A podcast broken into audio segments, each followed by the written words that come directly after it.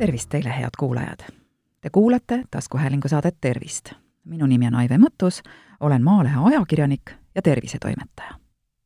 tänase saate teemaks valisin ma mälu. milles seisneb mälu olemus, millised on mälu liigid, kas ja kuidas me mälu treenida saame. mälu kujutab endast inimese poolt varem tajutu, läbielatu või tehtu peegeldust tema teadvuses ka siis, kui need nähtused ja tegevused enam otseselt ei mõju meie poolt tajutu säilib teatud aja mälus. mälu tähendab elus organismi võimet omandada ja säilitada kasulikke oskusi, harjumusi, infot ja teadmisi. mälu ja õppimine on tihedas seoses, sest mõlema puhul on tegemist tegevuste ja info omandamise ning säilitamisega. mälul on terve hulk omadusi, täpsemalt viis. esimene neist on maht see on materjali hulk, mida inimene suudab meeles pidada. ehk uue materjali meeldejätmise võime, selle omandamise kiirus. teine omadus on kiirus. see on aeg, mille jooksul inimene midagi meelde jätab. kolmas omadus on täpsus. kuivõrd täpselt inimene võib omandatu uuesti meelde tuletada. seejärel püsivus. aeg, mille jooksul meelde jäetud materjal mälus säilib.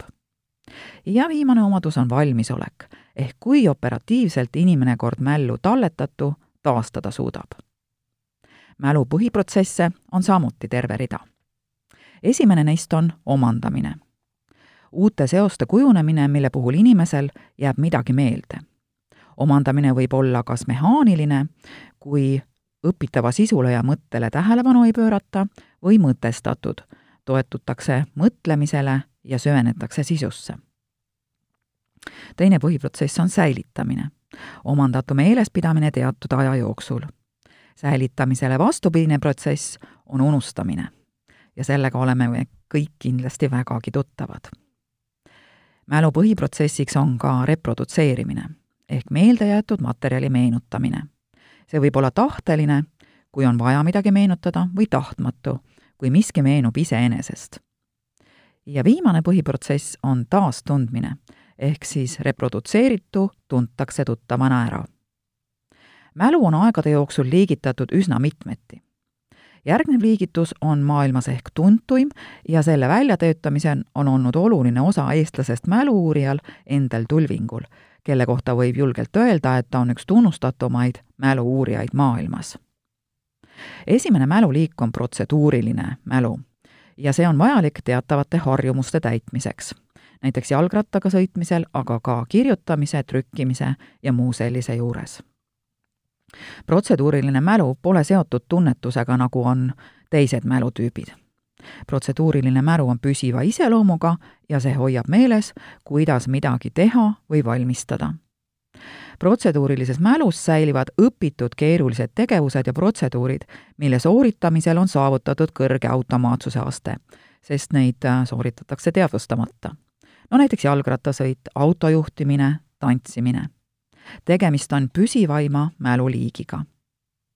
protseduurilise mälu püsiv iseloom nõuab õpetamisel õigete töövõtete õpetamist kohe algusest peale, sest valesti õpitud töövõtet on hiljem raskem ümber õppida ja see nõuab rohkem aega, kuna tegevus on mälus juba kinnistunud ja võib hiljem sooritust, olgu selleks töö või mõne spordiala harrastamine, segada seetõttu peavad näiteks õpetajad ja treenerid alguses õpilastele võtete õpetamisel järjekindlad ja nõudlikud olema, et õppijad omandaksid õiged oskused.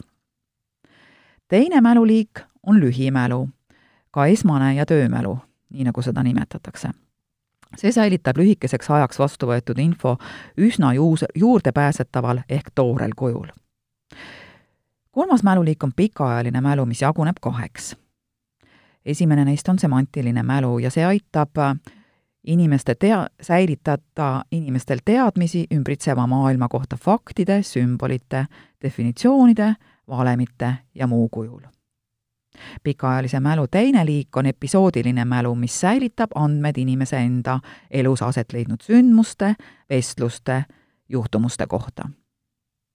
episoodilist, äh, episoodiline mälu saab inimest sageli aidata semantilise mälu teatud faktide meenutamisel. näiteks meenub omandamise episoodiga seotu. iga inimese jaoks on see isikupärase värvinguga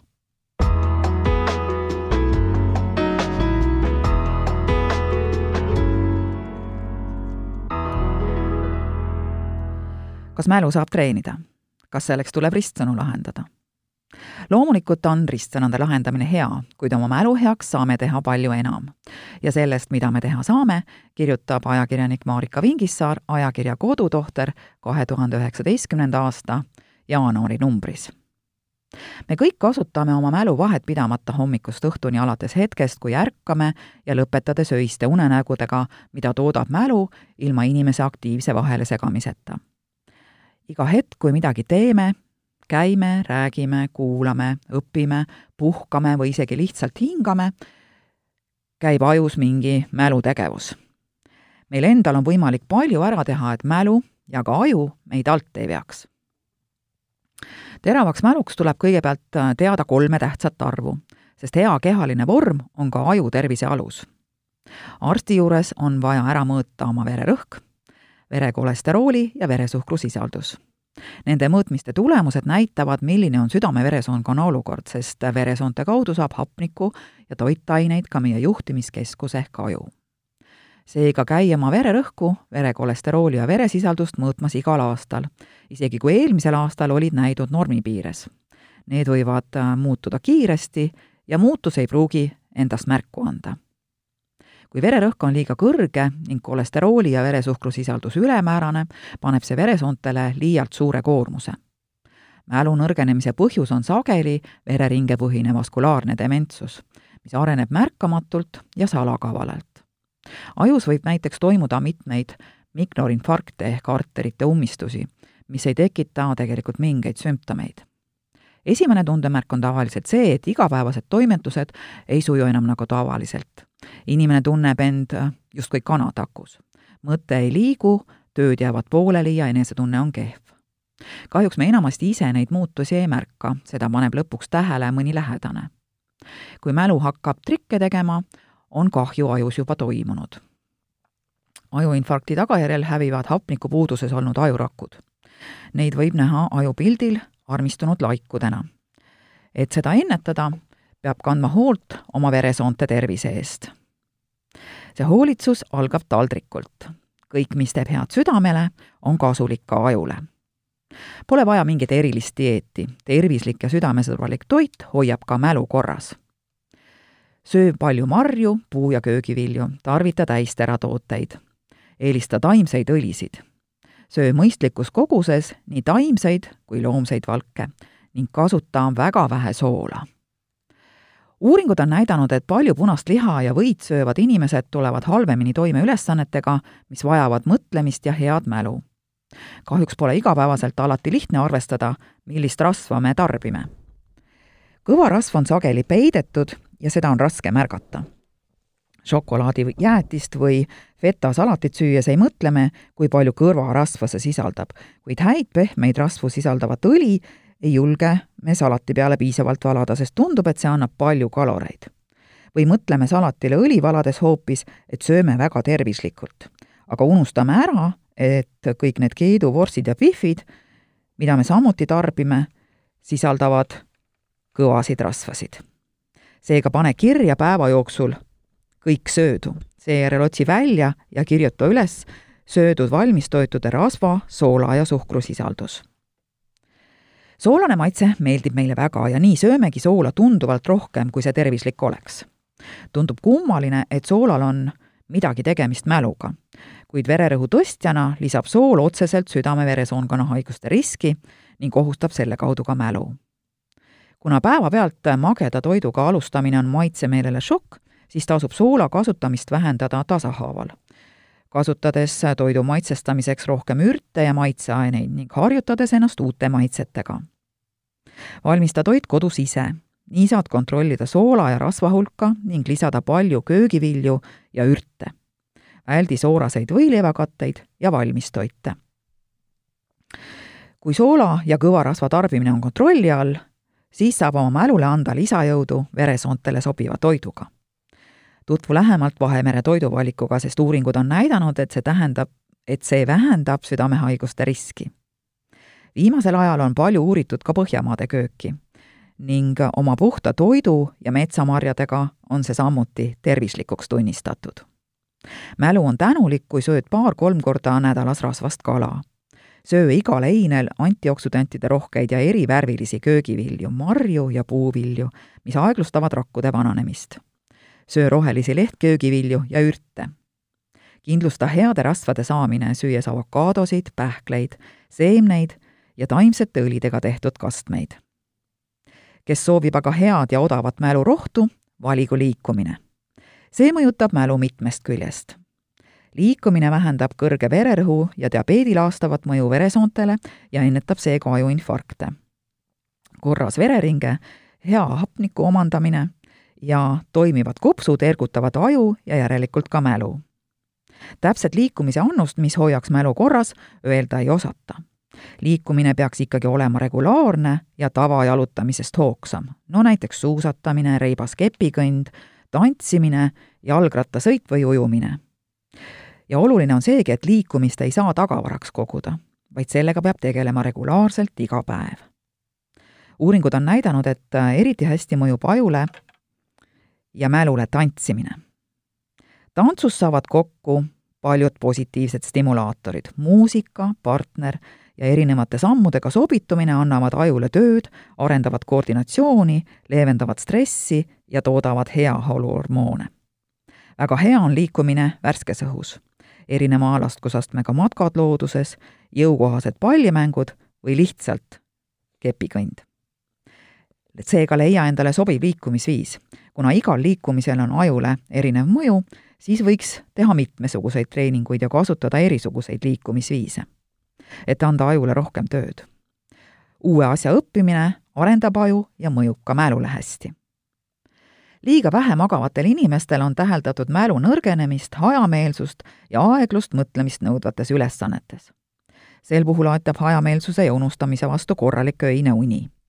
Unetusel võib olla palju põhjusi. vahel on selleks stress või masendus, kuid sageli ei tule und sellepärast, et ollakse hilisööni üleval ja ignoreeritakse oma keha märguandeid. kui organism tahab juba magama jääda, kui inimene vaatab filmi edasi, võib minna tunde, enne kui uni uuesti tuleb seega eemalda igasugused unesegajad. ära joo pärastlõunasel ajal kohvi, mine normaalsel ajal magama ja väldi õhtuseid ärritajaid.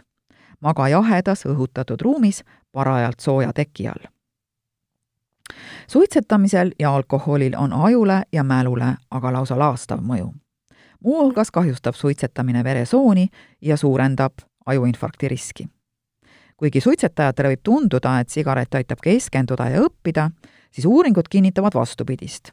Üks mahukas Prantsuse teadlaste tehtud uuring näitab, et suitsetajatel on palju halvemad tulemused kõigis mälu, sõnavara ja keelelist osavust vajavates ülesannetes. aastatepikkune alkoholi tarvitamine kahjustab aju närvikude, kuid seda teeb ka ühekordne suure koguse joomine lõpuks areneb välja aju kärbumine, mis on püsiv kahjustus ja põhjustab dementsust niisiis lõpeta suitsetamine ja kontrolli oma alkoholi tarbimist. Pikaajalise stressi mõjul inimese loovus, keskendumis- ja õppimisvõime vähenevad ning töömälu nõrgeneb. stressi ja masendusse tuleb igal juhul suhtuda tõsiselt, sest lõpuks võivad tekkida püsivad psüühilised kahjustused. tühend, tühjenda aeg-ajalt oma mälu.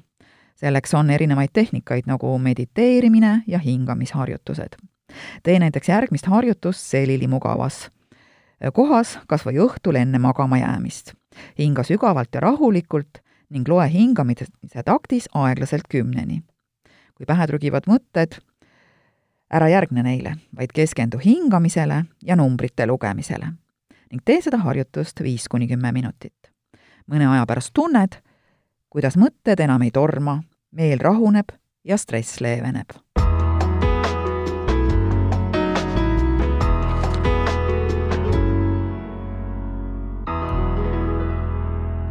mida siis hea mälu tähendab?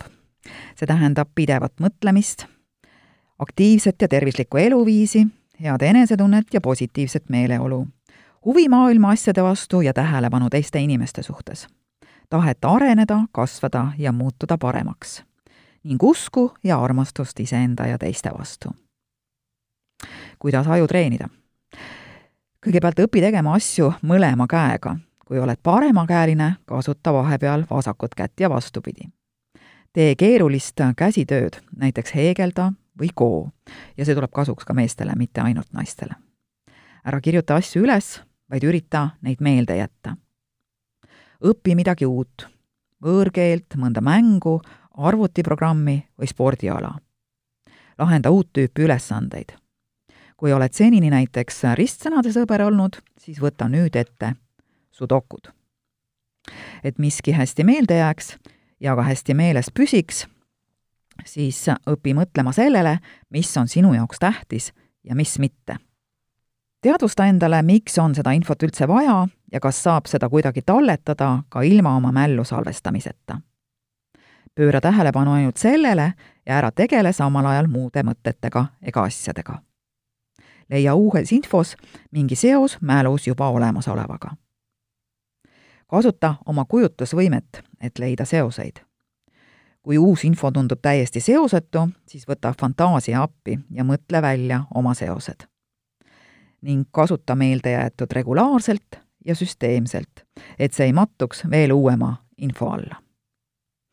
niisiis, head kuulajad, soovin teile head mälu treenimist.